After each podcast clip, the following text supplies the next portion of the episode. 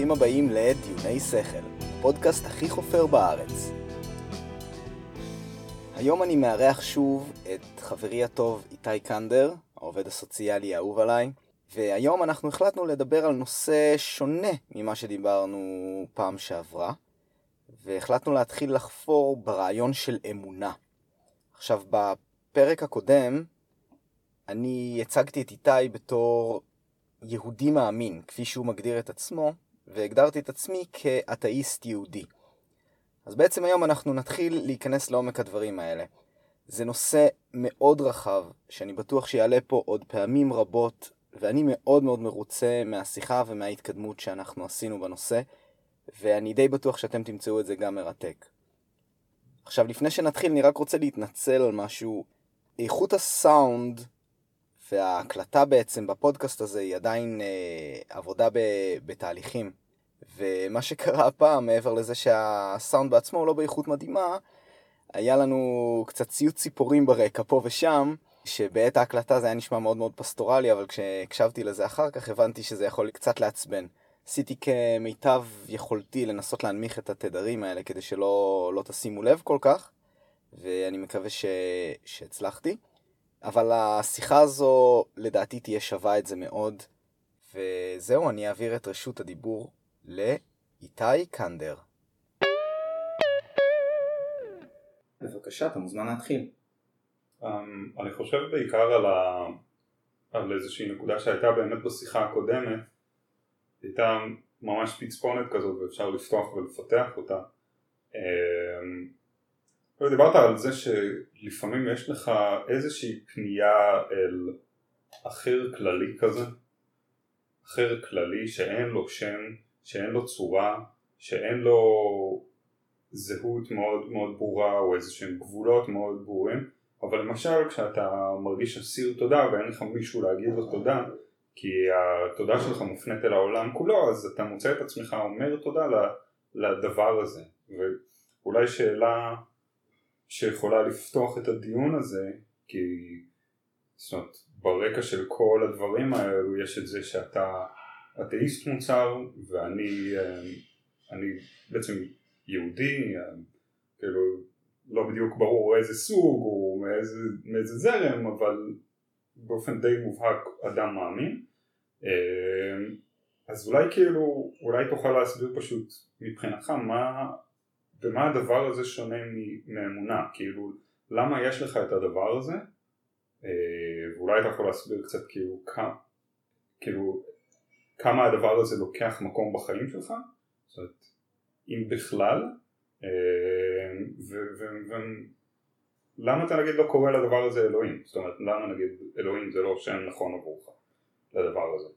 אוקיי okay, אז אני חושב שבאמת אולי כדאי שאני קצת אבהיר אה, את עמדתי. באמת בפרק הקודם אני הזכרתי את העניין הזה, החלטנו לקרוא לזה הודיה בסוף לתחושה הזו שאתה חש לפעמים כשאתה מרגיש אסיר תודה. עכשיו כמובן, נתחיל בלהגיד שלדבר הזה כמובן יש צד שני לאותו מטבע, שכשמשהו חרא קורה לך ואתה לפעמים מחפש אה, את מי להאשים, אה, אתה מוצא את עצמך לזורק איזו קללה לאוויר או משהו בסגנון. אה, וכמובן שיש את שאר הקריאות למיניהן של אלוהים ישמור או משהו כזה. אה, שזה... כן, אוקיי, אני, אני אתחיל ספציפית מה, מהעניין הזה של ה... מה אתה אומר ומה אתה...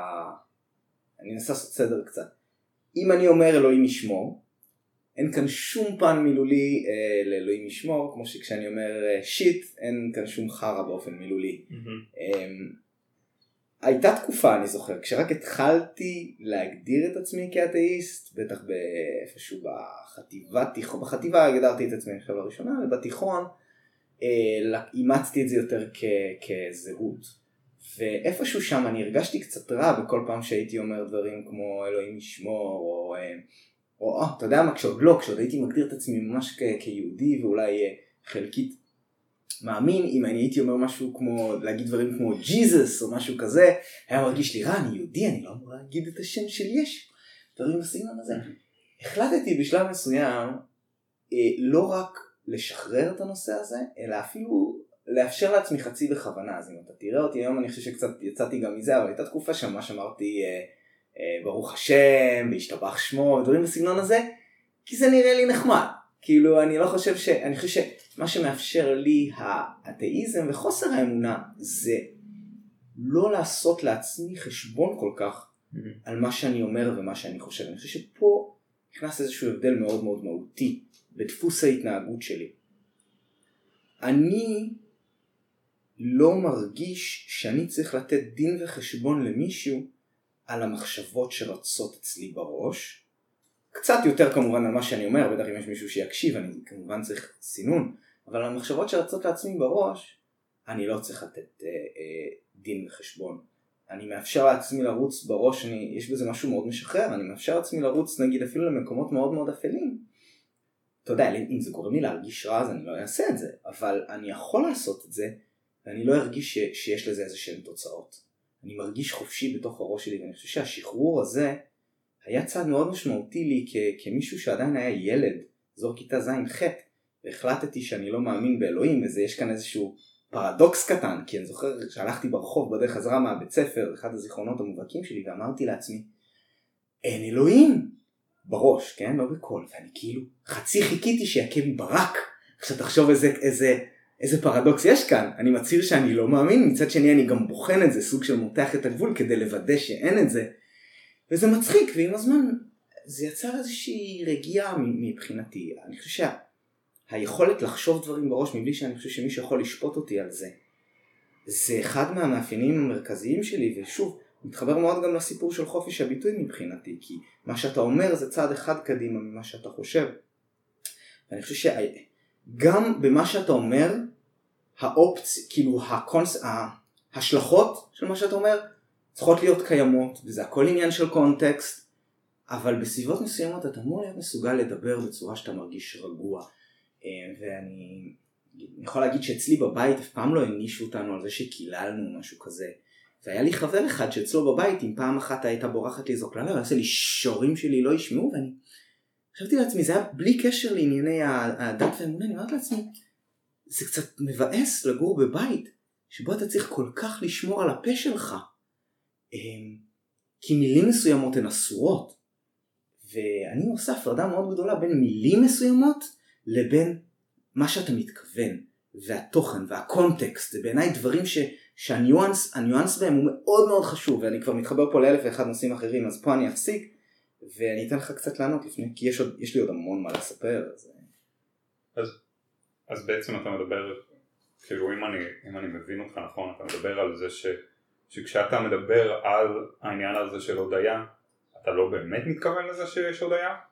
כי, כי בכל זאת יש שם חוויה מאוד אותנטית, כי אתה לא תיארת שם משהו שהוא קליפתי, אני רק כאילו מתאר את זה בצורה הזאת, זה הדימוי שבו אני משתמש, אלא יש כאן איזושהי פנייה אל אחר מאוד מאוד גדול, כאילו, אל אחר מאוד זולת כזה. mm-hmm. זולת אולטימטיבי כזה ו... ומיד לקחת את זה, כאילו מיד לקחת את זה לכיוונים של משטור, לכיוונים של זה, אני לא יודע, אני חושב שהחוויה הדתית או העניין של אמונה זה דבר כל כך כל כך יותר קודם לכל מיני סטרוקטורות של כאילו דיכוי ומשטור בתוך המשפחה, מחוץ למשפחה, בהקשר מדינתי, אתה יודע, כל הדברים האלו. בהתחלה יש פשוט בן אדם, ויש איזשהו פנייה אל איזשהו משהו אחר גדול, גדול ממנו, שהוא יותר כמו מין סך כל, כאילו אפשר לתאר את זה בהמון דרכים, אבל הוא יותר כמו מין סך כל הדברים האחרים שהם לא הוא כזה. כאילו, mm-hmm. זה, זה התחלה, התחלה מאוד, כאילו התחלה של אחד מהכיוונים האלו של מה שזה להיות אדם מאמין לדעתי. יש לי, יש לי המון מה להגיד על הנושא הזה אבל אני, אני אחזור באמת אליי אישית ומתוך זה נתפתח, יש לי באמת כל כך הרבה. כן, אבל בעצמך עדיף. אני אתחיל בעצמי. תראה, אני מסכים איתך לגמרי, אולי אני לא, אולי לא בדיוק באותה צורה, מסכים איתך שיש פה משהו ראשוני מאוד, משהו בתוך הבן אדם, עוד לפני כל הקונסטרוקציות האלה שדיברת עליהן, לגמרי, אני לא יודע אם אנחנו מתכוונים לאותו דבר ואני אגיד למה אני מתכוון. Mm-hmm. אני מאמין שבבן אדם יש יצר מובנה לאמונה, ואפילו אם אני ארשה לעצמי לקחת את זה גם טיפה קדימה, גם לאמונה בעל טבעי. אבל ספציפית לאמונה. אני לא מספיק בקיא בתיאוריות האבולוציוניות וכדומיהן כדי לדבר על זה, אני יכול, אני חושב שיש הסכמה יחסית גורפת בין החוקרים אה, של ה... אולי תקרא לזה האנתרופולוגיה זה בטח התחום מחקר, ואולי של, ה, אה, של הביולוגיה האבולוציונית וכל מיני כאלה שככל הנראה הייתה משמעות מאוד מאוד מאוד גדולה אה, אה, באמונה וההשלכות שלה, אם נגיד לזה אה, דת, וכאן אני, אני נאלץ כן להכניס את העניין הזה של הדת והחוקים שלה. כי לדת והחוקים שלה היו ככל הנראה יתרונות מאוד מאוד ברורים לאורך התפתחותו של האדם. השייכות שזה נתן, החוקים המסוימים שזה נתן, תשמע היום, אלף אחד אנשים מדברים על כמה שנגיד, אתה יודע, נטילת ידיים הקדימה את זמנה ואת כל תיאוריית החיידקים, הדברים בסגנון הזה, נכון, אין לי מושג מה מי ש... מה חשב מי שהגה את החוק של ליטול ידיים. אולי היה שם איזשהו ניסיון, אולי שם לב לאיזה משהו והוא לא יודע לנסח אותו באיזושהי צורה ש... שמתאימה למה שאנחנו יודעים היום, אבל צץ איזשהו חוק שיש לו יתרון חד משמעי מבחינה אבולוציונית. ואני לא אתפלא אם הדברים האלה הם עד כדי כך עמוקים, שאפילו נעשתה ברירה טבעית מסוימת שגרמה, בגלל היתרון של הדבר הזה, הטמיע את הדבר הזה בתוכנו, איזשהו יצר בסיסי ורצון להאמין. עכשיו, יכול להיות שזה לא המצב, ויש כאן עוד עניין. השפה ודרך הדיבור שאתה נולד אליה מאוד מוכתבים מאיך שגדלת ואיך שחונכת, בין אם אה, מפורשות ובין אם בעקיפין. אז אם אני גדלתי כשאלוהים זה דבר ועניין, אה, בין אם אתה יודע המשפחה שלי היא, היא, היא משפחה מסורתית ומה שהמצב, אה, ו, ובין אם לא, ואני רואה את זה בחברה וזה קיים בכל מקום. קשה שלא לחשוב בראש, של להוציא את דפוס החשיבה הזה מהראש של קיים עוד משהו. זה הולך גם כמה רבדים קדימה, יש שיגידו שאפילו התחושה מסוימת של העצמי, של איך שאני רואה את עצמי כדמות שחושבת את המחשבות, זה גם משהו שהוא אפילו לא באמת קיים וזה איזושהי אשליה שיש לנו, אז אני לא אתפלא אם השלב אחד קדימה של זה שקיים עוד מישהו שגם ניתן לדבר אליו, אמ, או לחשוב יחד איתו אה, אה, שהוא לא אני אלא איזשהו משהו כוללני יותר שזה גם איזשהו משהו שמוטמע בנו בין אם זה משהו שנולדת איתו או שאתה גדלת לתוכו מתוך באמת קונסטרוקציות חברתיות. אבל אני אני חייב מצד אחד אני פשוט למדתי להיות מאוד סלחני לעצמי ולא להגיד אתה לא מאמין באלוהים אז למה אתה בכלל חושב בצורה הזאת? זה טיפשי לחשוב ככה? לא. למה לא? נוח לי ומביא לי תועלת לחשוב בצורה הזאת אם אני חושב שזה הופך אותי לאדם טוב יותר. אין סיבה שלא. ו, אמ, ומצד שני, הנקודה היא שאני לא בטוח של התחושה הזאת של כעס, אם אתה יודע, קרה לי משהו לחלוטין בלתי צודק, אתה יודע, זה מישהו שאני אוהב, מת בפתאומיות. אני חושב שכעס זה דבר מאוד מאוד אה, הגיוני לחוש, חלק מהזמן, אתה יודע, בין אבל לאבל לצורך העניין, בין הלם לאבל נגיד, לחוש כעס. אני חושב שאפילו, אתה יודע, בשלבים לקבלת אה, חדשות, אה, כעס זה אחד מהם. גם אני לא חושב שלכעס חייב להיות איזשהו מען. אתה יכול להגיד שאתה כועס על העולם, אתה יכול להגיד שאתה כועס נגיד על בן אדם שאולי הוא אחראי באופן עקיף למה שנעשה, אתה כועס על המדינה ועל איך שהיא מתקנת, אבל בסופו של דבר זה עדיין מגיע, ככל שאתה עולה גבוה יותר זה מגיע לאיזשהו מצב, אז על מי אתה כועס? על המדינה? המדינה זה גם דבר מדומיין, mm. אוקיי? השלטון שלנו, החוק שלנו, הנורמות החברתיות שלנו, זה כל אלה, אלה דברים מופשטים. אני חושב שזה בסדר מהבחינה הזו לחוש את התחושות האלה מבלי שיהיה להן מען. והדבר הבא שאני ארצה להגיד זה להיכנס קצת להגדרות של הדברים האלה, אבל בגלל שזה קצת נושא אחר, אה, אני, אני אחזיר עליך מה אתה חושב על כל מה שאמרתי.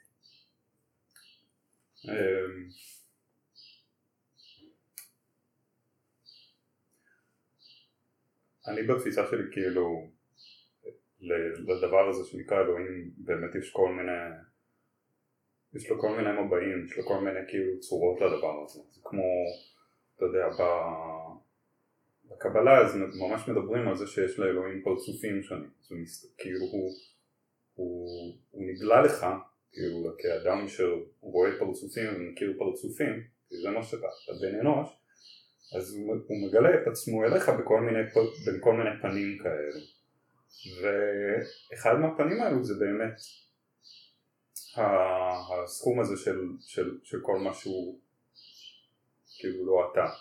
וכל הרגשות האלו, כל, כל, כל, כל, בעצם כל מה שמנית. והרבה פעמים אני, אה, סתם כדי לנסות לחדד כאן את, אולי את נקודת העימות או נקודת החיכוך כאילו, אני פוגש אנשים שמגדירים את עצמם כאתאיסטים והתפיסה שלהם כאילו והצורה שבה הם מתנהלים בעולם היא דווקא היא מאוד מאוד מאוד דתית כאילו אפילו הרבה פעמים יותר דתית כאילו מאנשים שהם מגדירים את עצמם כדתיים כאילו שאצלם הם, הם, הם יכולים לעשות כל מיני דברים שהם דתיים במרכאות אבל בתפיסה שלהם דרך שהם תופסים את האדם, את המקום שלו בתוך העולם, את, ה, את איך שהאדם הזה משובץ בתוך העולם. אז הם, הם, הם פשוט נורא נורא נורא חילוניים, הם פשוט, הם נורא נורא מתבססים נגיד, לי זה מאוד מאוד חורה העניין הזה של לראות אנשים ש...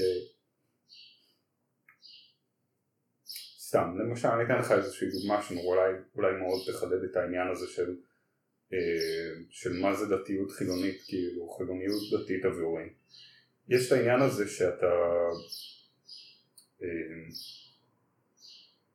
עכשיו ביהדות כאילו יש עניין שלם שאתה לא אמור לנדור נדרים, כאילו אתה לא אמור אה, להבטיח משהו כאילו בצורה אבסולוטית לחלוטין, למה?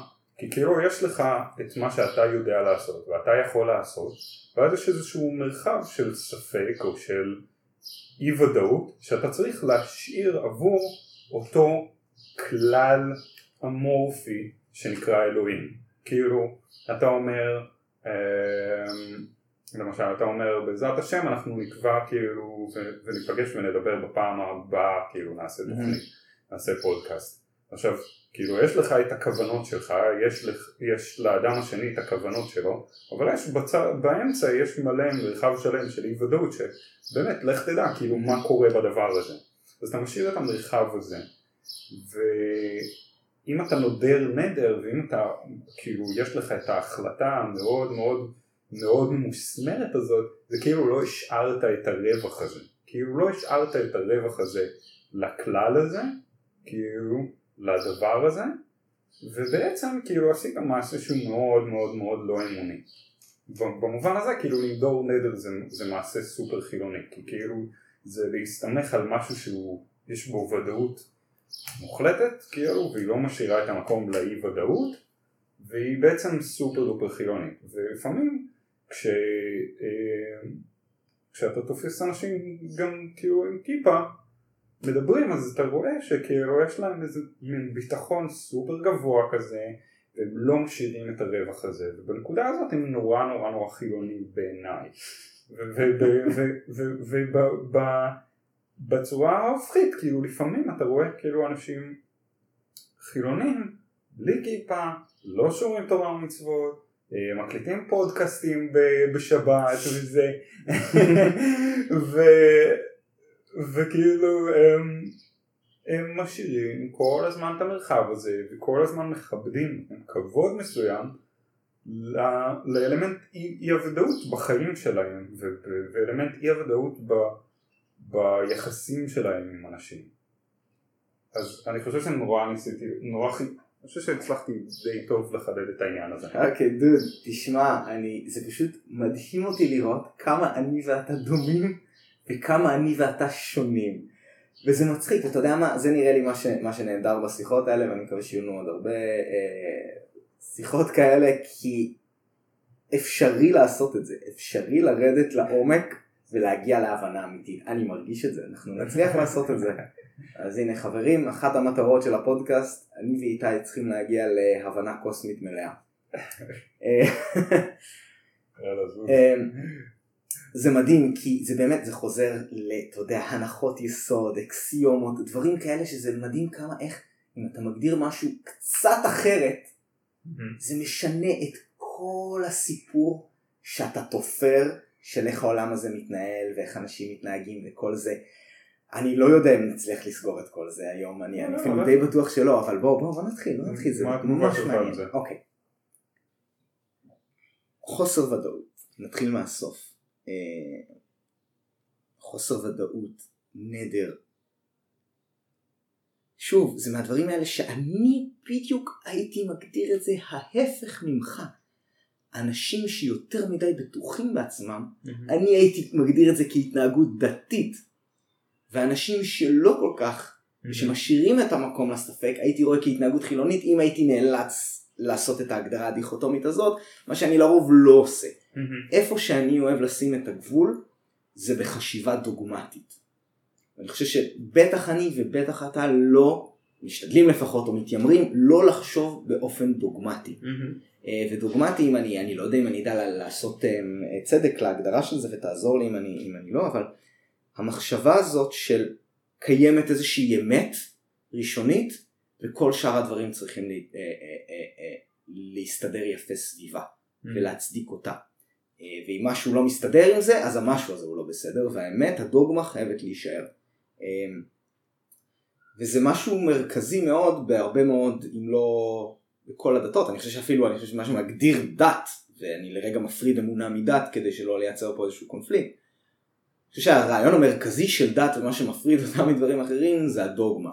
אה, אבל כמובן יש דברים אחרים שהם לא דתיים שיש בהם חשיבה דוגמטית והם בעייתיים באותה מידה ולפעמים אפילו יותר. אה, אני לא, אני לא אקרא לדברים האלה בשמם כדי לא, לא לסטות לכיוון אחר. אז מבחינתי אין שום סתירה, ואולי אפילו להפך, בין חוסר ודאות, מקום לספק, לא להבטיח דברים שאתה לא, כאילו, שום דבר אתה לא יכול באמת להיות בטוח.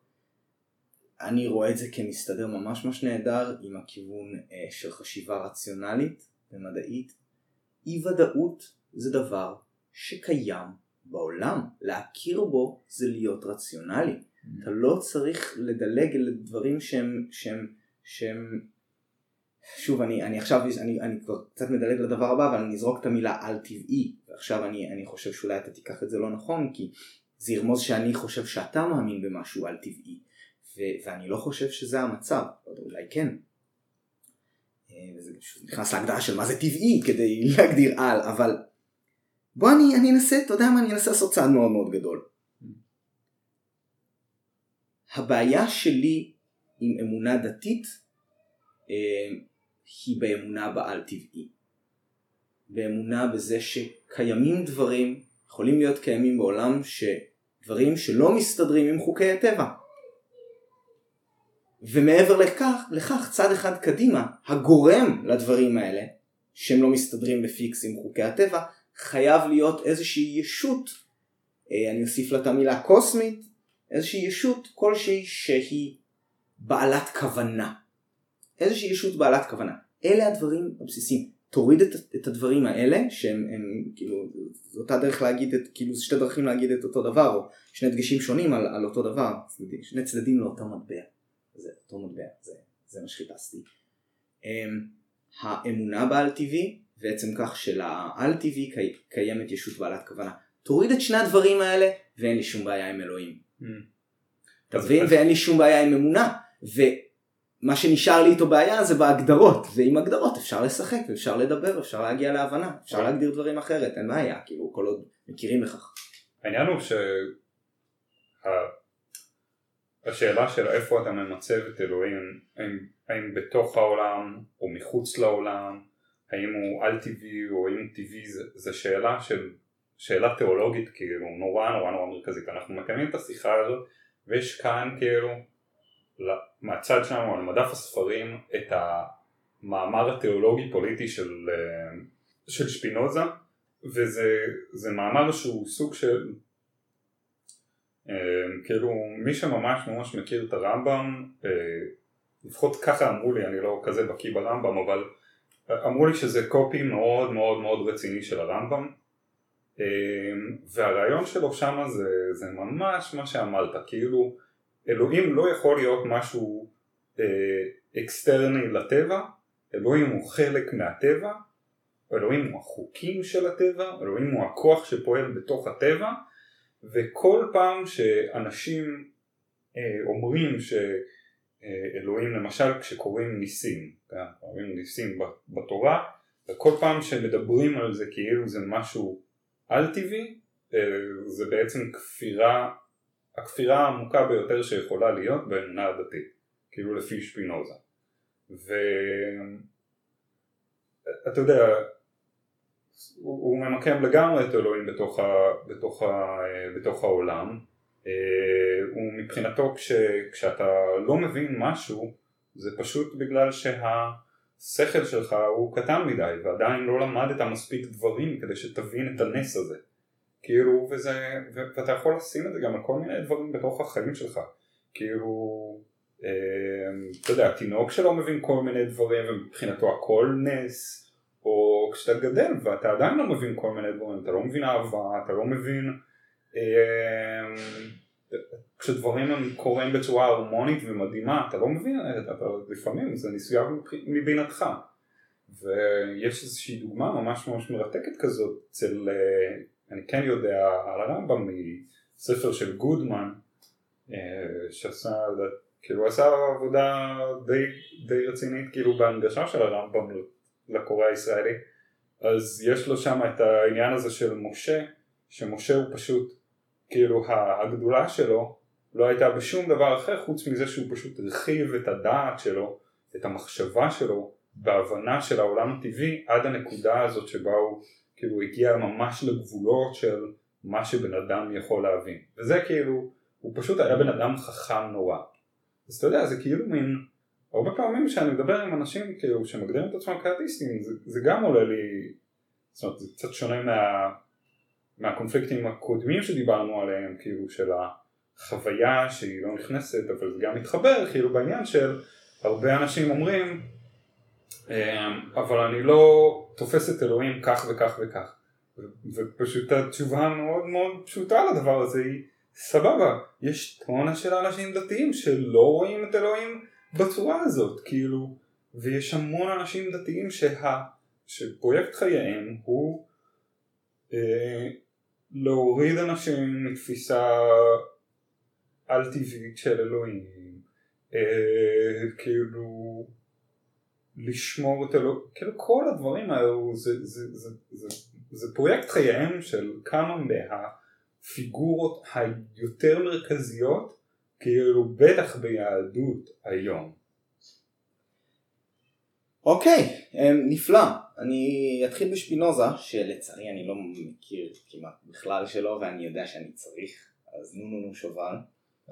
אה, אני אקח את הספר אחר כך. אני רק יודע, אני מכיר אה, ציטוטים של איינשטיין, וציטוטים שלפעמים מוציאים אותם מקונטקסט, ואני אהבתי לאיינשטיין יש איזשהו מכתב שהוא הבהיר את העמדה שלו בנוגע לאלוהים. והוא הבהיר שם בצורה חד משמעית שמה שהוא מגדיר כאלוהים זה פחות או יותר את מה שאתה אמרת, את הדרך שהטבע מתגלה אלינו והדברים שאנחנו עדיין לא מבינים ונשגבים מבינתנו, כל מיני דברים כאלה והוא זרק אפילו ממש פרופר את השם של שפינוזה. אמ, הוא אמר משהו, אם כבר אני מאמין באיזשהו, באיזשהו אלוהים זה האלוהים כמו של שפינוזה. שאיזשהו משהו, ואתה יודע מה? איינשטיין זו דוגמה נהדרת למה שאני רוצה להגיד הלאה. כי אם אתה תקרא כל מיני ציטוטים אחרים של איינשטיין, כשהוא משתמש במילה אלוהים, זה גרם לאי הבנות מאוד מאוד גדולות. אנשים שמגיעים מכיוון הדת ייקחו כל מיני ציטוטים שלו וישתמשו בהם בצורה שהיא מחוץ לקונטקסט ומחוץ להבנה של למה איינשטיין באמת התכוון, והמכתב הזה שהוא הוציא היה כדי להבהיר את העמדה שלו בנושא. ובדיוק על זה, עם זה קצת הבעיה שלי. בצד הזה של האמונה חוסר אמונה, אתה מגדיר את עצמך באותו צד של הדתי האדוק מבני ברק ש... שמרגיש שאלוהים מסתכל לתוך המוח שלו והנשמה שלו בכל רגע ויעניש אותו על כך אם לא בצורה הכי מילולית שיש. אוקיי? יש אחוז מאוד גדול שבאמת מאמינים בזה. אתה שם את עצמך באותו צד שלהם במקום בצד שלי. בעוד שאם אנחנו יורדים לעומק הדברים, כמעט כל מה שאתה אמרת עכשיו מסתדר מדהים עם תפיסת העולם שלי. אני ואתה מאמינים בדברים מאוד מאוד דומים. Mm-hmm.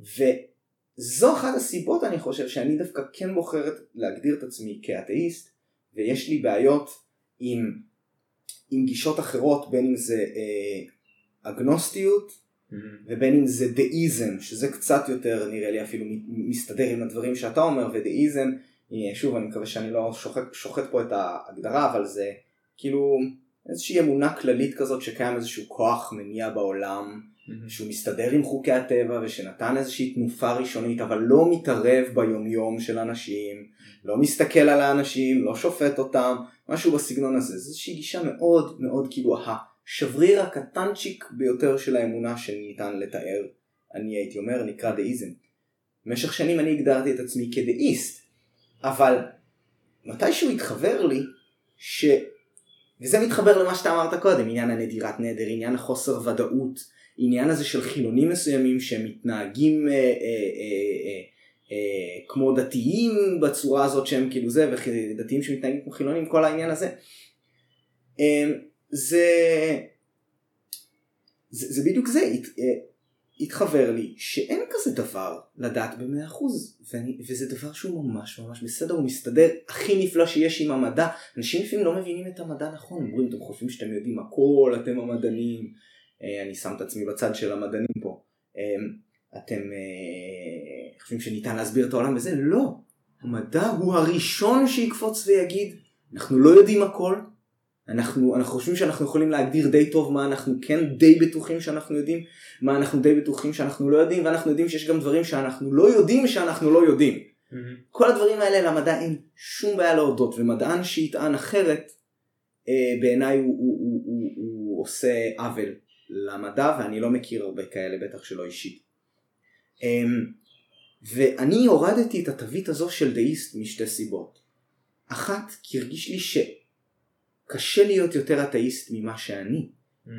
אפילו שאני לא בטוח במאה אחוז שלא קיים איזשהו כוח מניע, שלא קיים איזושהי ישות קוסמית, שלא קיים איזשהו מישהו שנתן פליק בשביל לייצר את המפץ הגדול, ובין אם הוא התכוון לזה או לא, כל הדברים האלה בעיניי הם שוליים, כי רמת הוודאות שלי שלא קיים אלוהים, היא פחות או יותר אותה רמת ודאות שקיים כזה דבר כמו כוח הגרביטציה, אה, שכדור הארץ הוא עגול, אלה דברים שאתה יודע, אני לא יכול לדעת במאה אחוז, בטח שלא עד שאתה יודע, אני אוכל לטוס לחלל ולראות במו עיניי, וגם אז אני יכול להגיד מישהו שם לי איזה מסך שם, אני לא באמת רואה את כדור הארץ עכשיו.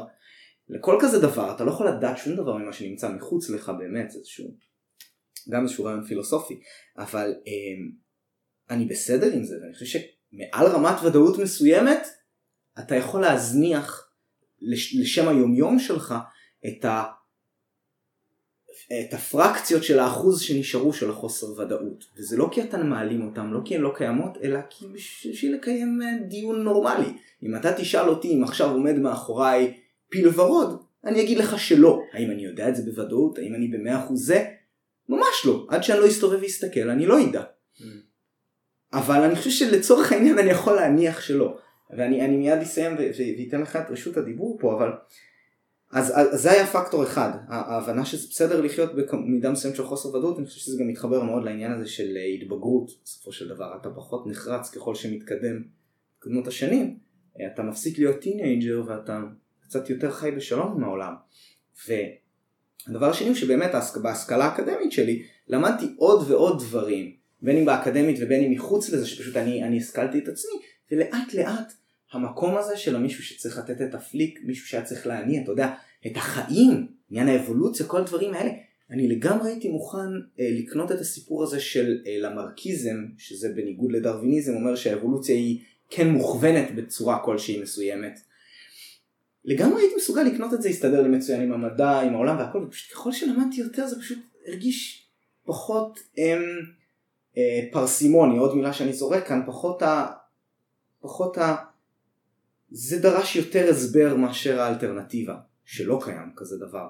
לאט לאט זה פשוט איבד, מה, כאילו איבדתי את הצורך של זה בחיים שלי. אבל חייב להגיד, כל מי ששואל אותי איך אתה יכול להיות בטוח שאין אלוהים, אני לא בטוח, מעולם לא אמרתי שאני בטוח ש... שאין אלוהים. זו הבעיה מבחינתי של הצד השני, שמי שאומר בטוח יש אלוהים ולא משאיר שם מקום לספק, לספק, כי הוא ירגיש שהספק הזה פוגע באמונה שלו והופך אותו ללא מאמין אמיתי וזה לא יכול להיענש על זה או לא להיענש, אני לא, אני לא אכנס פה לנושא הזה, זה עוד בור. אבל זה מבחינתי הבעיה בצד השני, החשיבה הדוגמטית. אני, אני מנסה לשמור את עצמי רחוק מחשיבה דוגמטית ואני לא בטוח במאה אחוז שאין אלוהים, אבל לצורך כל עניין ויומיום ו- ו- ו- ושיחות שאני אנהל, כן, מבחינתי אין אלוהים ואין בו צורך. אמ, בטח יש לך המון מה להגיד, בבקשה חביבי. כן, אה, יש לי הרבה מה להגיד, אם כי השיחה הזאת היא הרבה יותר רגועה ו... ונוחה מהשיחה הקודמת, כאילו אני לא מרגיש שאני צובר מלא דברים כל פעם שאתה מדבר. אמ, תראה, בסופו של דבר כאן אני, אני מאוד מבין ומכיר כאילו את, ה, את העמדה שלך, זאת אומרת אני מכיר אותך כמובן, אבל אני מבין מאוד מאיפה זה בא, מבין מאוד את ההתפתחות של זה, אני מבין מה אתה מדבר, אני חושב על עצמי כאילו, בניגוד אליך שאני, אה, היו תקופות בחיים שלי שממש הייתי הולך לבית כנסת פעם בשבוע בשישי, בשבת, כאילו, עם כניסת שבת והייתי הולך ומתפלל ו... אה, בכל החגים ובכל המועדים הייתי הולך לבית כנסת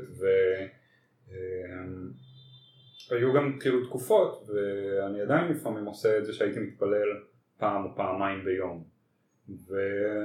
אני יכול רגע לשאול כשאתה אומר מתפלל אתה מתכוון לתפילות כתובות קיימות או כן, איזושהי אני... גרסה שלך של תפילה? ממש זה בא בווריאציות כאילו ללא ספק יש זמנים שבהם בגלל שאני אין לי קהילה של ממש, אז לפעמים אני מתפלל בצורה יותר ברסלבית כזה, של פשוט לדבר עם אלוהים, ויש זמנים שבהם אני, אה, שאני באמת יושב וקורא מסידור.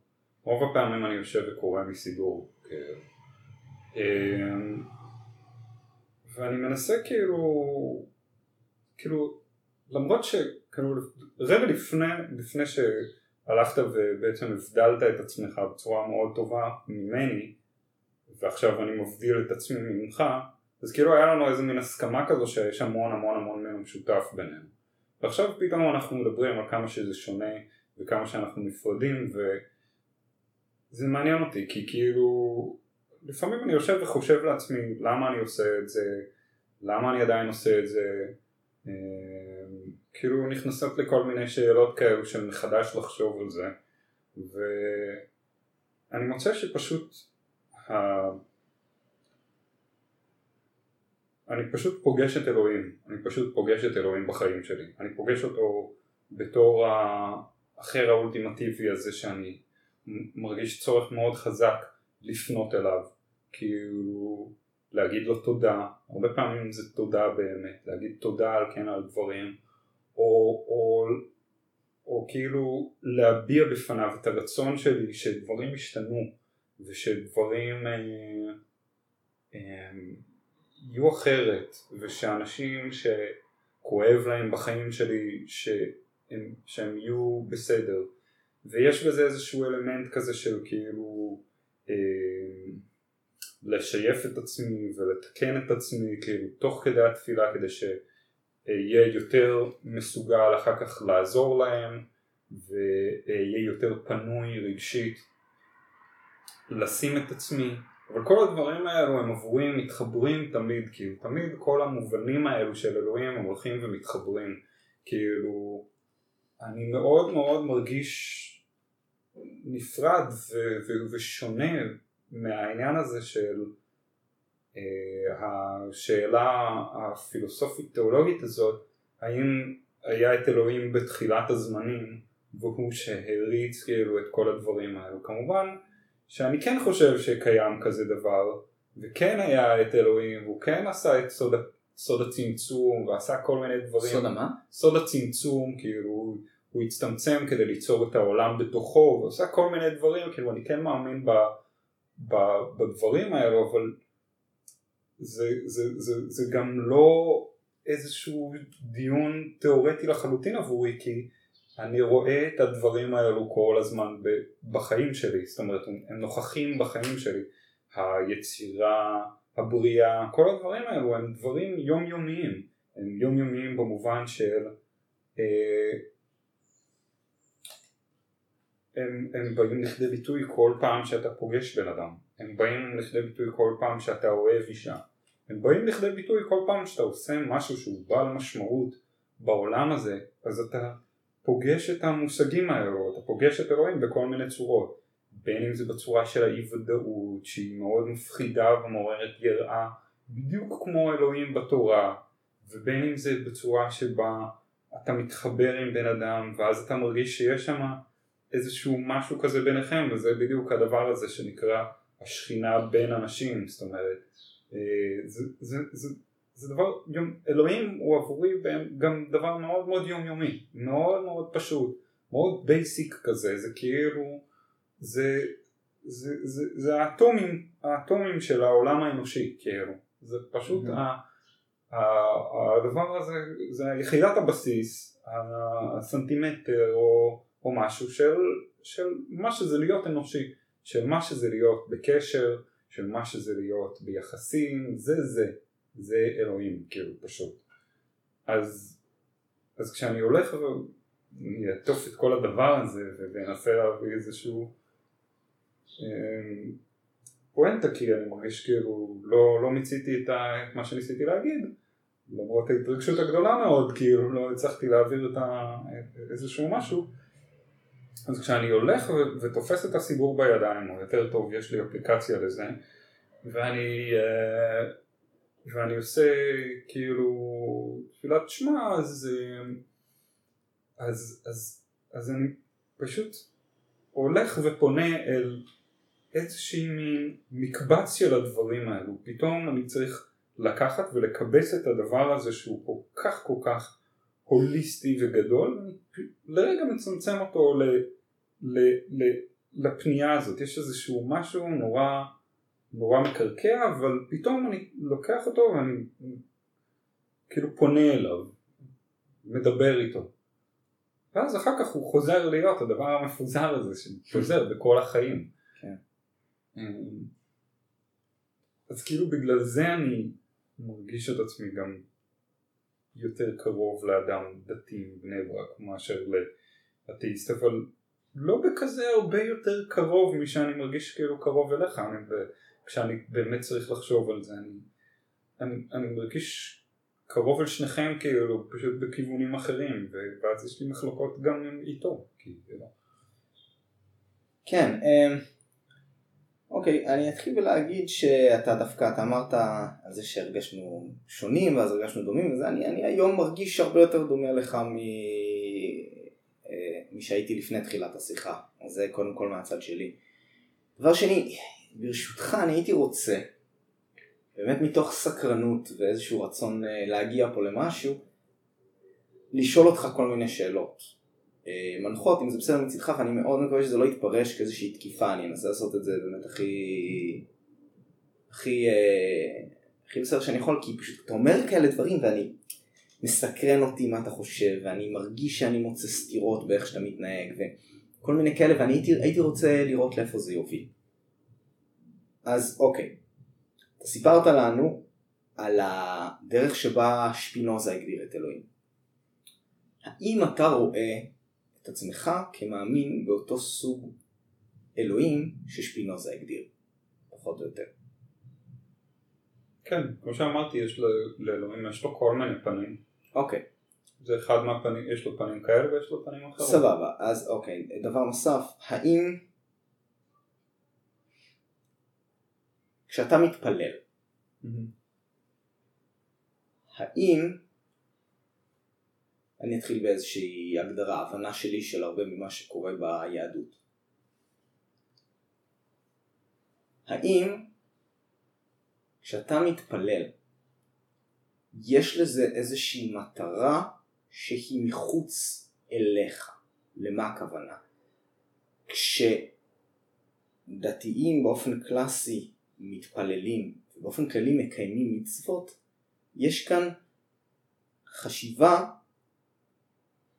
על תועלת, תועלת עצמית, תועלת משפחתית, לפעמים, אתה יודע, האלטרואיסטים מביניהם יחשבו שהם נותנים תועלת כלשהי גם ל... לא יודע, ל... לעם שלהם, לאנשים שחולקים איתם את אותו, אותו דת, אותו לאום, אותה דת, אותו לאום. אמ, וכמובן שיש את כל הקטע הזה של הגמול בעולם הבא, אה, שזה מבחינתי גם איזשהו ערך אמ, מרכזי לאמונה דתית וספציפית ליהדות שלא תקרא לזה גן עדן וגיהנום אלא מקום בעולם הבא, משהו שהוא קצת מופשט יותר. Mm-hmm.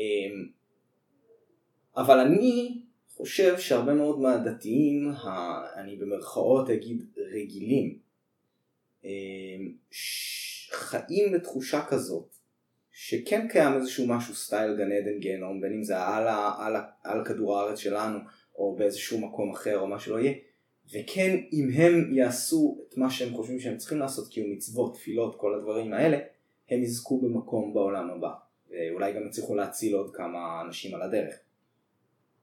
האם אתה רואה את עצמך כמישהו שחושב משהו כזה, בניגוד ל, וזה מה שאני חושב שאתה מגיע ממנו, הכיוון הזה שתפילה זה משהו בין אדם לעצמו, איזשהו משהו שהוא עושה כדי להגיע לאיזושהי אה, השלמה, הבנה עם עצמו, איזושהי שלמות עצמית כזאת, אה, כאלה דברים ש, ש, ש, שאני רואה אותם כדברים שונים לגמרי, הרצון לקבל תועלת מכך, או תועלת חיצונית, לבין תועלת פנימית.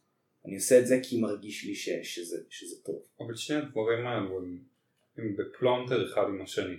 כאילו הם, הם לא דברים כל כך נפרדים כמו שזה נראה בהתחלה. כי אתה כן עושה פנייה אל משהו שהוא לא ה... אתה לא פונה אל עצמך, אתה פונה אל אלוהים, אתה כן פונה אל אלוהים. עכשיו, האם הדבר הזה יכול להביא לך תועלת? האם הדבר הזה יכול להפוך אותך לאדם טוב יותר? כאילו נראה לי שכן. כן כן כן, אבל זה בדיוק מה שאני אומר, זה עדיין, זה לא מצריך משהו על טבעי, אני חושב שפה זה פחות או יותר ההבדלה שלי. ואני, סליחה רגע שאני שוב נקטע עליך. כשאדם דתי, שוב אני אשתמש במרכאות רגיל, אני מצטער שלא עצרתי להגדיר את זה כמו שצריך, אני חושב שהרוב יבינו למה אני מתכוון. בוון, בדיאגרמת ון הזאת של השני עיגולים שמתנגשים, יש את התרומה העצמית ויש את התרומה החיצונית. אני חושב שאתה לא יכול לשלול מאדם כזה שבא ואומר לך, אני מאמין שאני מקיים את כל המצוות ולכן יהיה לי מקום בעולם הבא. אתה לא יכול לשלול את המילוליות שבזה, אתה לא יכול להגיד לו, לא, לא, לא, מה שאתה עושה זה איזושהי תועלת פנימית, זה הופך אותך לבן אדם טוב יותר, והעולם הבא זה איזושהי מטאפורה של התפתחות בחיים, ו- ו- ואיזושהי תחושת שלמות עם, ה- עם היקום שסובב אותך. לא, הבן אדם הזה מאמין שכשהוא ימות, החיים ימשיכו בתצורה אחרת, ויהיה לו מאוד טוב בגלל שהוא קיים את כל המצוות. אז כן. אני לא, לא חושב שאפשר לנפנף את זה ולהגיד, יש פה איזשהו משהו מופשט ו- ו- ו- ועמוק יותר. אמ, יש פה משהו מופשט ועמוק יותר, כן. אבל גם יש את הצד הזה. ואני שואל, האם יש, האם יש את הצד הזה בתפילה שלך? תראה, אני תמיד מגיע, יש המון המון חלקים בתפילה שיש לי בעיה איתם, זה, זה ממש ה, החלק היותר פשוט. זו, זו הסיבה שאני הפסק ללכת לבתי כנסת. יש, יש שם חלקים, חלקים, אה, אתה יודע, שוביניסטים גבריים, כאילו, יש שם אה, חלקים שהם אה, עבורים נורא סתומים, יש לך את כל העניין. לי קשה עם החנופה.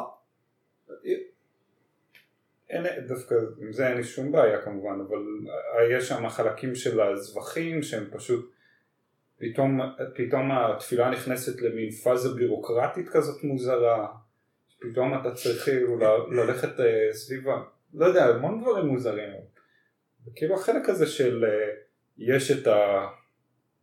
פשוט מדברים על, יש כאילו דברים, אה, יש מצוות ש, שאתה מקבל עליהן גמול בעולם הזה, ויש מצוות, מקבל עליהן גם גמול בעולם הזה וגם בעולם הבא.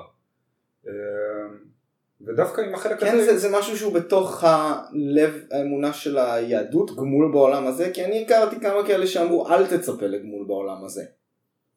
אתה לא יכול לצפות לגמול בעולם הזה.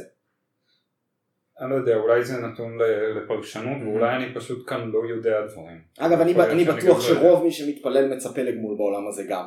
אני לדעתי, אני לא יודע אם אנשים יודו בזה, אז אולי אני עושה פה ממש... זה די basic, זה דברים נורא יומיומיים. זה מה שאני אומר. ביקור חולים יש לו גמול גם בעולם הבא, זה ברור כאילו מאליו שיש לך גם גמול על זה בעולם הזה.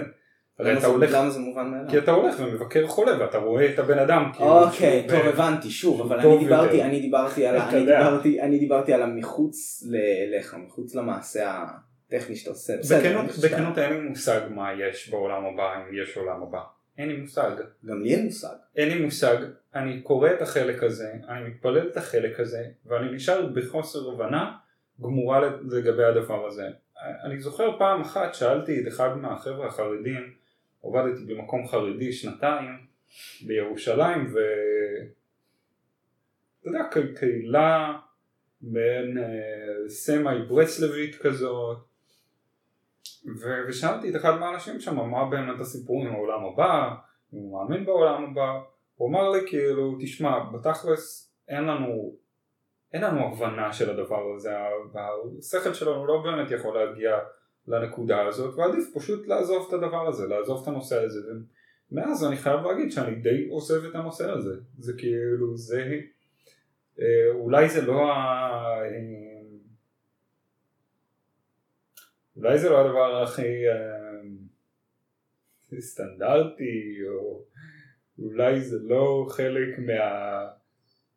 מה שרוב האנשים עושים, אין לי מושג בכנות מה רוב האנשים עושים, אם רוב האנשים באמת מאמינים בעולם הבא, או שיש להם ספקות לגבי הדבר הזה, או שהם משאירים את זה בצד כמו איזה משהו שאין להם שמץ לגביו, אבל זה anyway מה שאני עושה, יש קטעים בתפילה שלנו הרבה הרבה הרבה הרבה יותר קשים עבורי כאילו מהחלק הזה, הרבה יותר. אוקיי, וזה זה במידה מסוימת, אה, יש, יש לי עוד המון, אני אנסה לעשות קצת סדר. הנה משהו שמעניין. אלוהים מופשט כמו ששפינוזה מתאר. יכול להתאים לאלוהים של היהדות ויכול להתאים להרבה מאוד אלים אחרים. מה הופך אותך ליהודי מעבר לנסיבות שנולדת אליהן? האם, אני אחדד את זה קצת מכמה כיוונים. אחד, האם אם היית נולד למשפחה נוצרית ושאר הדברים היו כאילו פחות או יותר אותו דבר מבחינת צורת החשיבה החינוך וכאלה, האם אתה חושב שהיית מאמין בפחות או יותר אותו אלוהים שאתה מאמין עכשיו, אבל היית מגדיר את עצמך כנוצרי? אותו כנ"ל לגבי, אתה יודע, הינדואיזם, אמונות uh, אחרות שהן גם לא מה, על אותו אלוהים טכני שהוא של היהדות והנצרות והאסלאם. מה, מה בעצם, מה נשאר פה מיהדות, ואני אני אתן לך לענות לפני שאני אחדד את זה עוד. מה, מה, מה הופך אותך ליהודי מעבר לכך שאתה נולדת ביהדות, וברור לי שאתה מתפלל תפילות יהודיות, זה מבחינתי כבר התוצאה. אני אומר, מה גורם לכך שאתה תגדיר את עצמך כיהודי ולא ככל דבר אחר, או לחלוטין כחסר דת ומאמין באלוהים שהוא מחוץ לדת מוגדרת. שאלה ממש טובה, ממש ממש, התשובה אליה היא ממש ממש מורכבת. אמ, אין לי שמץ של מושג גם מה היה קורה אם הייתי נולד לדעת אחרת. אמ, אני חושב שבהרבה מהדתות שלפחות שאני בדקתי, הסתכלתי עליהם על הדרך, אה, להרבה מהם יש כאילו בפוקוס יש, יש אלים שהם אלי ביניים, ישויות ביניים, כאילו, או שיש משהו כזה שהוא אלמנט ביניים, כמו ישו, ישו הוא גם כאילו ממשי והוא נמצא בעולם והוא גם אלוהים, כאילו הוא גם התגלמות של אלוהים. ביהדות כאילו מנסים לומר הרבה פעמים שיש את כל המדרגות האלו בדרך ל... יש כל מיני דברים שהם קדושים, שהם נושאים בתוכם איזשהו, אתה יודע, איכות יותר גדולה של אלוהים, למרות שיש סתירה מטורפת בתוך הדבר הזה, יש את הדבר, קיים, קיימים האובייקטים האלו, ש, או את הסובייקטים האלו שמצליחים להכיל את הסתירה הזאת, ובכל זאת קיים הדבר העליון הזה מעל כולם, ו... אני מרגיש שבהרבה מאוד דתות יש הרבה מדי פוקוס על כל המדרגות, כל הגורמים המתווכים, וביהדות אני חושב שיש את הפוקוס מאוד מאוד חזק על, ה, על האל האחד כאילו. אז בעניין הזה כאילו אני כן מרגיש שעשיתי בחירה אחרי שבדקתי כל מיני דתות ואולי בעניין הזה אפשר להגיד כאילו ש... כאילו, מההבנה שלי כאילו האסלאם הוא מאוד מאוד קרוב כאילו האסלאם ממש ממש קרוב באיך שהם תופסים את אלוהים, הם, הם, הם סופר קרובים, ההוגים שלהם הם, הם קרובים בצורה ממש מצחיקה כאילו להוגים היהודים, כאילו יש להם הרבה מהשאלות שהם מעלים הן נורא נורא נורא קרובות לשאלות שההוגים היהודים מעלים. חיו גם במדינות אה, דומות לתקופה ארוכה. כן, התערבבו כאילו וגם רואים, רואים ממש מלא השפעות כאילו מלא פינג פונג רעיוני כזה ביניהם אמ, אז כאילו באחד, בנקודת הפרדה העיקרית, כאילו מה שעושה אותי יהודי זה העניין הזה ש... עבורי זה ממש ממש חשוב שאלוהים הוא מעל הכל ושהוא יהיה המן הסופי של, כאילו, של התפילות ולא כל מיני דברים באמצע. אמ, והדבר הנוסף הוא שאני משער שהעניין הזה של למידת תורה הוא לא כל כך יודע איך להסביר את זה, זה כמו להיות יהודי זה להיות חלק מאיזשהו דיאלוג שמתפרס על פני אלפי שנים כאילו. ודיאלוג ש, ש, שבאמת אין לו כאילו אין לו התחלה ואין לו סוף כזה ש, שהתורה היא חלק מאוד מאוד מרכזי בו. ו, ואני לא יודע להגיד לך אם זה אני לא אגיד כאילו שהמסורת הזאת והדיאלוג הזה הוא איזשהו משהו נעלה אבל הוא מאוד מאוד מאוד רחב והוא מאוד מאוד מאוד ארוך ואני מאוד מאוד מרגיש כאילו, אתה יודע, אסיר תודה להיות חלק מהשרשרת הזאת של יהודים שמדברים זה עם זה ושואלים שאלות על העולם, על חברה, על האדם, על אלוהים פשוט באמת באמת מדברים על כל הדברים האלו כשאלוהים הוא חלק מהדבר הזה שאלוהים הוא חלק מהמסורת השיחית הזאת כן, אני, אני מבין את זה, אבל שוב, זה, זה מגיע שוב לכמה דברים שאני ואתה רואים אה, אה, מאוד מאוד אחרת. אה, שאתה יודע, את מטאפורת העגלה הריקה, אני לא זוכר מי אמר, יכול להיות שבנט אמר את זה? מישהו אמר משהו על זה שה... בנט, לא. חילון... זה, זה גלגול של, של, אני חושב של קוק אולי. הרב קוק אמר משהו לא, כזה? כי אני חושב שזה פשוט עלה בהקשר שלו, לא? כן, אולי הוא שוטט את זה. זה נשמע מאוד מאוד קוק. אוקיי. נראה לי שזה קוק. של, ה... של החילונים כאילו הם עם איזושהי עגלה ריקה, איזושהי מטאפורה כזו, ואני חייב להגיד כאילו, אני מאוד מאוד לא מסכים עם זה ובכמה וכמה אה, רבדים. בראש ובראשונה אני חושב שפילוסופיה כפילוסופיה נתנה המון לעולם מבלי לערב את אלוהים. והייתה איזושהי תקופה מאוד מאוד ארוכה בין הפילוסופיה היוונית ועד ה... לקראת העת החדשה, שכל הפילוסופיה פחות או יותר התמקדה בתיאולוגיה.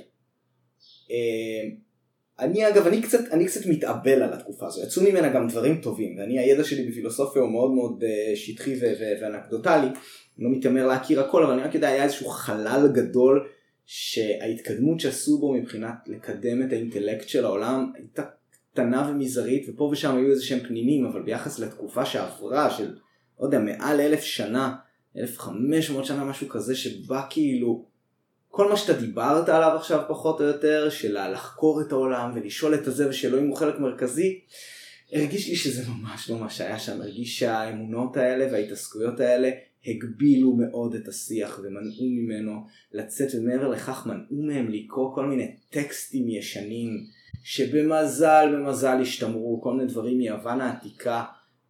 מזל גדול שהצליחו לשרוד את ימי הביניים. ו...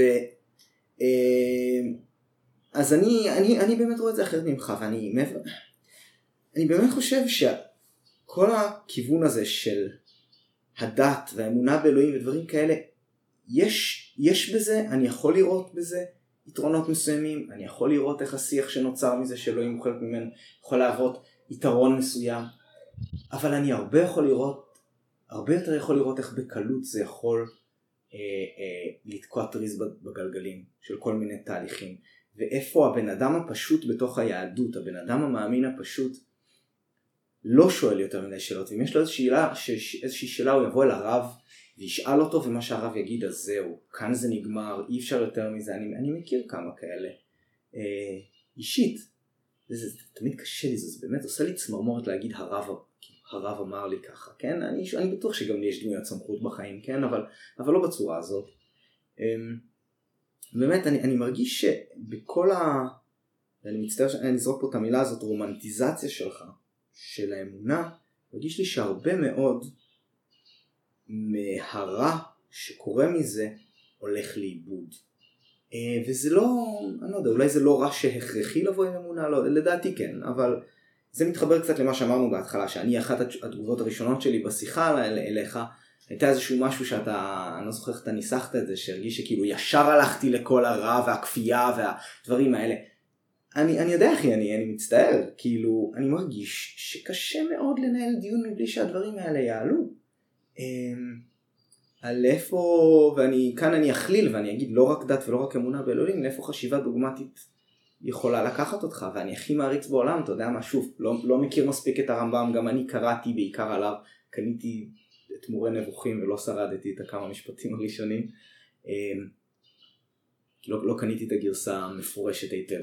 אמ, אני נוטה ללמוד על האנשים האלה יותר מהאנשים אחרים, אבל כן, אני ש... יצא לי לשמוע לא מעט על הרמב"ם. אני חושב שזה שהיה קיים הוגה כזה באותה תקופה שאני רואה כתקופה יחסית אה, חשוכה באנושות, זה בעיניי אה, גם בגדר איזשהו נס, אם להשתמש במילה אה, שנויה במחלוקת. אני חושב שזה ממש יפה לראות פה ושם את האנשים ואתה תראה, אני יצא לי לקרוא כמה טקסטים של אנשים שאתה רואה אותם מאוד מאוד משתדלים ללכת על הקווים ולא לעבור את הגבול שיוכלו לקרוא להם כופרים. ולכן הם אימצו כל מיני דרכים אפילו להכניס את אלוהים לתוך כל מיני מה, מהתיאוריות שלהם. וואי, מי זה היה? היה ציטוט מדהים של איזשהו מדען צרפתי, אוי, אני לא מאמין שאני לא זוכר. מי זה היה? לבזיה? אני לא זוכר. מישהו, וואו, לא, לא, לא, לא, לא, לא, זה מישהו אחר לגמרי, אני כל כך מצטער שאני לא זוכר, אני מצטער בפני הקהל שלנו ובפני האדם הזה שאני מחלל את כבודו, אני, מספרים שהוא מצא, עשה איזושהי תיאוריה של תנועת הכוכבים אה, בעולם, אה, ב, ב, ב, ב, במערכת השמש וכל מיני כאלה, ואני חושב שהביאו אותו להציג את זה בפני נפוליאון, ונפוליאון אמר לו, ותגיד, איפה אלוהים נכנס לתוך הסיפור הזה? והוא אמר משהו כמו, לא היה לי צורך ב, ב, ב, בהנחת היסוד הזאת, או משהו כזה, לא היה לי בכך צורך.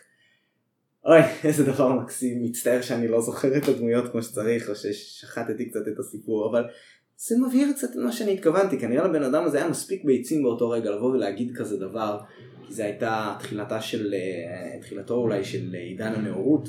בתקופות אחרות היו כנראה מענים אותו והורגים אותו או משהו כזה. אמ, ואני לא יכול להתעלם מהדברים האלה בכלל. ואני חושב שזה מתחבר למה שאני אמרתי קודם. בשלב מסוים אני שחררתי את הדאיזם ועברתי להגדרה של אתאיסט כי איבדתי את הצורך. אה, ועכשיו אחרי כל, כל מה שאני אמרתי את זה אני, אני מרגיש איזשהו צורך לאזן. אני מאמין שקיימים אנשים שהקיום של אלוהים אה, מופשט ככל שיהיה בחיים שלהם נותן להם המון ובלי, ובלי זה אולי הם היו מתפרקים. ואני מוכן לצורך העניין הזה ולצורך שמירה על השפיות של, של אנשים מסוימים ו, ו, ועל החיים שלהם ועל הסדר שלהם בחיים באמת אין לי בעיה עם זה אבל מרגיש לי שההגדרה של לאלץ את התחושה שאתה מרגיש כלפי העולם ואיך שהעולם מתנהג איתך ועל מה שאתה ביומיום מרגיש כאלוהים וכל זה לקרוא לזה אותו אלוהים לקרוא לזה בשם אלוהים כמו שאדם אחר שמאמין באופן דוגמטי בקיום של אלוהים שמסתכל עליו מאונן, אני, אני רואה בזה איזושהי חטייה למטרה, אני רואה בזה משהו ש, שהבעיה בהגדרות האלה יוצר פה איזשהו טשטוש של המציאות שפוגע קצת ב, ב, בשיח. יכול להיות שאתה תגיד שהוא תורם לשיח כי אתה לא, כי אתה לא מבדיל ככה, אני יכול, אני, אני יכול לקבל את זה, אני כבר מדבר עם עצמי פה. היה לי משהו להגיד לסיום. אני חושב שצריך, שחשוב מאוד לתת את המקום הזה של איזה דברים רעים יכולים לצאת מזה ו... אה, הנה מה שרציתי להגיד. יצא לי לקרוא ציטוטים של אנשים, כל מיני אנשים שמדברים על ההגעה של המוסר מהאל, מאיזשהו אל, מאיזשהו מקור אה, אה, על טבעי קוסמי, ושבלי זה לא היינו יכולים, לא היה לנו מצפן ודרך לדעת מהו מוסרי ומה לא. אני נוטה להאמין שהדבר הזה הוא לא נכון, אה, מבלי להרגיש צורך להגיד מאיפה המוסר כן מגיע. אני מוכן לקבל את זה בתוך הרובריקה הזאת של החוסר ודאות וחוסר ידע, שעדיין נותר לנו ללמוד. אה, אבל אתה תשמע לפעמים אנשים, אני חושב שזה בעיקר בנצרות וכאלה, שיבואו לאיזשהו אתאיסט ויגידו לו, תגיד לי, אם אתה לא מאמין באלוהים, מה מונע ממך לצאת ולגנוב ולבזוז ולאנוס ולרצוח? מה מונע ממך? וזה תמיד, קודם כל אני לא חושב שהבן אדם הזה אם הוא היה מאבד את האמונה שלו היה עושה את הדברים האלה, אני חושב שהבן אדם, בן אדם שאומר כזה דבר תופס מעצמו אדם קטן יותר ממה שהוא באמת. אמ, ואני כאילו כואב לי על, ה... על זה שאנשים רואים לפעמים את העולם הזה ככה. זהו, זה, זה, זה פחות או יותר מה שרצית להגיד.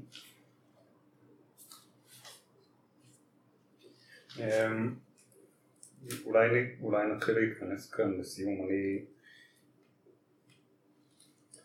כל הצורת הצגה הזאת, אולי אני אגיד כמה דברים שקצת יכניסו אותך, כל הצורת הצגה הזו של ימי הביניים כ... כאילו באמת אה, אלף ומשהו שנים של חושך מוחלט, אמ, זה כאילו הצורה שבה התחילו לספר את התקופה הזאת החל מתקופת הנאורות באמת. מהרגע שאנשים התחילו להיות חילונים ו... והתחילו לחשוב שאפשר לשלוט באופן אבסולוטי בעולם, אדם יכול ליצור את הגורל שלו לחלוטין ויכול לעצב את החברה בדיוק בצורה שבה אה, נכון לעצב את החברה. אתה יודע, כאילו ברגע שכל הדברים האלו התחילו, אז זה, זה באמת הנקודה שבה ימי הביניים הפכו לימי, ימים של עלטה מוחלטת. ו... זה, זה לקח צ'יק צ'אק ו... אתה יודע, הנקודה שבה הכי התחילו לספר את הדבר הזה ככה, זה באמת בכל האביב העמים, כל מיני, בעצם במאה האחרונה כאילו זה באמת תפס, הדבר הזה תפס רייס מטורף. כי, כי, כי פתאום התחלנו לחטוא באימא של ההיבריסים, פתאום חשבנו שאנחנו לגמרי יכולים כאילו לעצב חברה, לגמרי יכולים לעצב אדם, יכולים לבנות אדם, ומה שקיבלנו זה כאילו סטליניזם, וקיבלנו פשיזם, וקיבלנו נאציזם, קיבלנו כל מיני דברים, ו- וזה כאילו הכאפה, הכאפה המטורפת שאכלנו, שאחריה בסוף כאילו מלחמת העולם השנייה, אה, צצו כאילו האקזיסטנציאליסטים הרציניים ממש, כאילו, כאילו אני חושב על סימון דה בובואר וכל מיני חבר'ה כאלו, שהם באמת מתחילים לחשוב אה, סבבה, יש לנו כאילו חירות ואנחנו חיים בעולם בלי אלוהים ומה אנחנו צריכים לעשות בתוך העולם הזה. ו... זה, זה, זה, זה מקום הרבה הרבה הרבה יותר מפוקח לחיות בו להיות בו, המקום הזה של האקזיסטנציאליסטים האלו, מאשר המקום שבו הרבה מאוד אתאיסטים, וגם אתה אני חושב, מדברים על, ממנו היום. כאילו, אמ, תראה, יש לנו היום, למשל בישראל, אה, יש חרדים, ומבחוץ, כשמסתכלים מבחוץ פנימה, כאילו, על החיים שלהם זה נראה באמת כאילו הם. היצורים הדוגמטיים וה... אה, כאילו פשוט חיים, אה, הם חיים בחברה פשיסטית לחלוטין, כאילו הכל אצלם מובנה על חוקים נורא נורא נורא נוקשים וכן הלאה. ואתה כאילו שנייה מסתכל על עצמך ומסתכל על החברה הישראלית, חברה שבה אתה יודע, יש צוק איתן, יש עופרת יצוקה, יש כל מיני דברים כאלו, וכולם פה אחד כאילו אין מה להגיד, אסור להוציא פיפס כאילו שיוצא מהעמדה המונוליטית האחידה ש, ש, שהיא כאילו ישראליות וכל דבר שהוא יוצא, יוצא לשנייה מהדבר הזה הוא, הוא כאילו לא ישראלי והוא בוגד והוא זה וזה וזה. ואתה חושב לעצמך אז כן אין לנו הלכה כתובה כאילו אין לנו הלכה כתובה ברמה של התלמוד ופסיקות של אלפי שנים וזה, אבל יש משהו שהוא מגביל ומחניק בצורה עבורי לפחות, כאילו אני נגיד, אני יכול להחליט איזה מצוות אני מקבל על עצמי ואיזה מצוות אני לא. כאילו בסופו של דבר אני, אני, אני חופשי להחליט את זה. וגם אם אני עכשיו אצטרף לקהילה דתית עדיין אני אחליט כאילו אם אני ארצה לחלל שבת אני אחלל שבת אף אחד כאילו לא, לא, לא יהיה לי בבית כאילו ויגיד לי מה לעשות. אני, אני חופשי. מצד שני אני לא יכול, כל עוד אני בתוך החברה הישראלית שזה דבר הרבה הרבה הרבה יותר גדול, אני נמצא בתוך המחנק הזה של כאילו של מה להגיד ומה לא להגיד אה, לגבי הלאומיות הישראלית. כאילו הדבר הזה הוא מבחינתי פי עשר יותר מחניק. עכשיו אני לא במקום שבו אני משווה את זה ל... לאומיות של מלחמת העולם השנייה, אבל זה צאצא של הדברים האלו וזה מרגיש כאילו מחליק בדיוק באותה מידה. ו, וכשאני כאילו מדבר על ה... גם על הדעת וגם על המחנק שאני מרגיש כאילו בתוך דעת ממוסדת אז, אז זה כן ואפס לעומת המחנק שאני מרגיש בתוך הלאומיות הישראלית. כאילו זה פשוט כלום כאילו מול זה. ו, ואני אפילו זה מגיע לדרגה כזאת שזה מרגיש לי כאילו ה... ה, ה, ה כאילו ביקורת שיש לדתיים אפילו לחרדים כאילו תכלס רק לחרדים כי כל השאר זה נמצאים על הסקאלה של לאומיות דתית אז כאילו הביקורת שיש להם על הלאומיות הישראלית מרגישה לי הרבה הרבה יותר קרובה לאקזיסטנציאליסטים אה, בסוף מלחמת העולם השנייה מאשר, אה, מאשר כאילו חילונים ש, ש, שמבקרים כאילו את החרדים ומסתכלים עליהם אה, כאל כאילו איזשהו הסוף של הדבר הזה של אתה יודע של אה, משהו של המחנק הזה. אה, נראה לי שזה ה... נראה לי שכאן אני מסיים כי כזה זה גם זה בעצם יהיה הדבר האחרון שאני אגיד אז אולי כדאי שזה יהיה famous last words כאלו. פשוט הזכרתי את סימון דה בובואר אז אני אגיד, אני אגיד עוד איזשהו משהו על סימון דה בובואר. יש לה אה, טקסט שהוא כמו הטקסט הפילוסופי הכי underrated שקראתי בחיים שלי שזה פשוט לא יאומן שאנשים לא יותר מדברים על הספר הזה. זה נקרא אה, אה, האתיקה של העמימות The Ethics of Ambiguity ו... כשאתה קורא את זה היא כאילו, היא מתכסחת בצורה מטורפת עם, עם לאומיות, היא מתכסחת בצורה מטורפת עם דתיים ברמות, כאילו היא, היא אתאיסטית ב... אין, אין יותר אתאיסטית כאילו ממנה, אבל אני מתחבר אליה ברמות כאילו מטורפות, כי הצורה שבה היא מדברת על בחירה, הצורה שבה היא מדברת על, על הזולת, אתה יודע, כל הדברים האלו הם נורא נורא נורא נורא נכונים, נורא נורא נכונים בעיניי. ואני לפעמים בא לי פשוט לאחוז כאילו את סימון דה בובר, אתה יודע, בכתפיים כזה ולנער אותה ולהגיד לה תשמעי, את, את לא נמצאת בסתירה עם, עם, עם המון המון דתיים, כאילו, עם המון המון צורות של דתיות, כאילו, ואמונה. אמ, אבל אוקיי, אני חושב שהרבה מזה זה באמת, אני אנסה לא להתייחס ליותר מדי כדי לא לעודד פה את הדיון, אבל מרגיש לי ש... שוב אנחנו חוזרים לעניינים האלה של ההגדרות. אמ, של מהי אמונה ומהי לא, כאילו לבוא ולהגיד לסימון דה בובואר, אה, את מאוד מאוד קרובה לעניין האמונה, זה כאילו קצת, זה, זה, זה קצת להחליט בשבילה, כאילו, לא, היא לא מאמינה, ומבחינתה, אם היא לא מאמינה, זה צריך להספיק. ולבוא ולהגיד, אבל איך שאת מתנהגת, את מתנהגת קצת כמו בן אדם שמאמין, אז בזה אפילו אני אבוא ואגיד איך שאתה מאמין, לא איך שאנשים אחרים מאמינים, ואני חושב שפה אני רק רוצה טיפה מה, מה שנקרא להסב את תשומת הלב, כי אני מסכים עם חלק מה שאמרת, לא מסכים עם חלק מה שאמרת, מבין את התחושה שלך, אבל שוב מרגיש לי שיש כאן אקסטרה רומנטיזציה של הרבה מהדברים שקורים. אתה אמרת משהו כמו, אה, אני יכול לבחור אילו מצוות אני רוצה לקיים, אני לא חושב שזו המציאות של הרבה אנשים דתיים שחיים ככה, בין אם הם מרגישים שמישהו מכריח אותם, מישהו באמת מכריח אותם, בין אם הם מרגישים שיש להם איזשהו לחץ חברתי מאוד חזק שמכריח אותם, ובין אם הם מרגישים שיש איזשהו לחץ כי הם מרגישים שהם לא עושים את זה כמו שצריך בשביל לרצות את, ה, את, ה, את האלוהים שהם מאמינים בו. אז, אז הלחצים האלה קיימים והם לא יכולים להרשות לעצמם להרגיש בנוחות בתוך החברה הזאת כמו שאתה מרגיש בנוחות.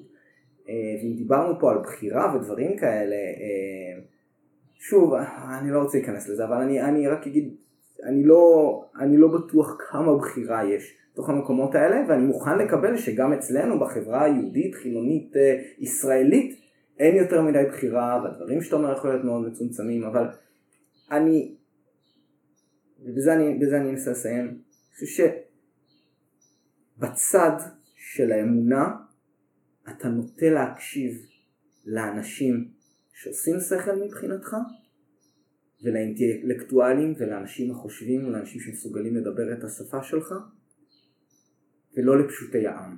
בעוד שכשאתה מבקר את התרבות הישראלית, אתה תבחר, לפחות במה שאתה אמרת עכשיו, להסתכל על מה שפשוטי העם יגידו, על מה שאנשים יגידו, אתה לא ישראלי מספיק וכל מיני כאלה. וכאילו, אתה יכול או להחליט שאתה מדבר על האדם הממוצע שחי בשתי החברות האלה ואיך הוא רואה את הדברים, או שאתה מדבר על ה... סליחה על שימוש במילה קצת אה, בעייתית, אליטה, שאתה מתייחס אל האנשים ואני מתכוון לאליטה אינטלקטואלית, שאתה יכול לנהל איתם שיחה, סליחה, כמו שאתה קצת מדבר איתי, ואני חושב שאיתי אתה יכול לדבר, ואתה לא צריך להרגיש בחוסר נוחות כשאתה חורג מהישראליות הממוצעת וכאלה דברים. מעבר לכך, אני חושב שזה חלק מהמהות של הפודקאסט הזה, וחלק מהגדרות המטרה שלו. לנהל דיון מעמיק על דברים שלפעמים לא הכי נוח לדבר עליהם, ואני מאוד מרוצה ממה שעשינו פה היום. אני חושב שזו הייתה שיחה מעולה, ושאנחנו נמשיך אותה מתישהו, ונאתגר עוד קצת את, ה, את, אה, תחום הנוחות שלי ושלך. אני מקווה שנתתי לך כאן איזושהי תקווה לגבי הישראלי החילוני. זה בסדר מצדך, בזאת אנחנו נסיים. כן, תודה רבה. אז אני רוצה להודות לשני מאזינים יותר מהפרק הקודם שהאזינו לנו היום. שוב תודה ותצטרפו אלינו בפרק הבא של דיוני שכל.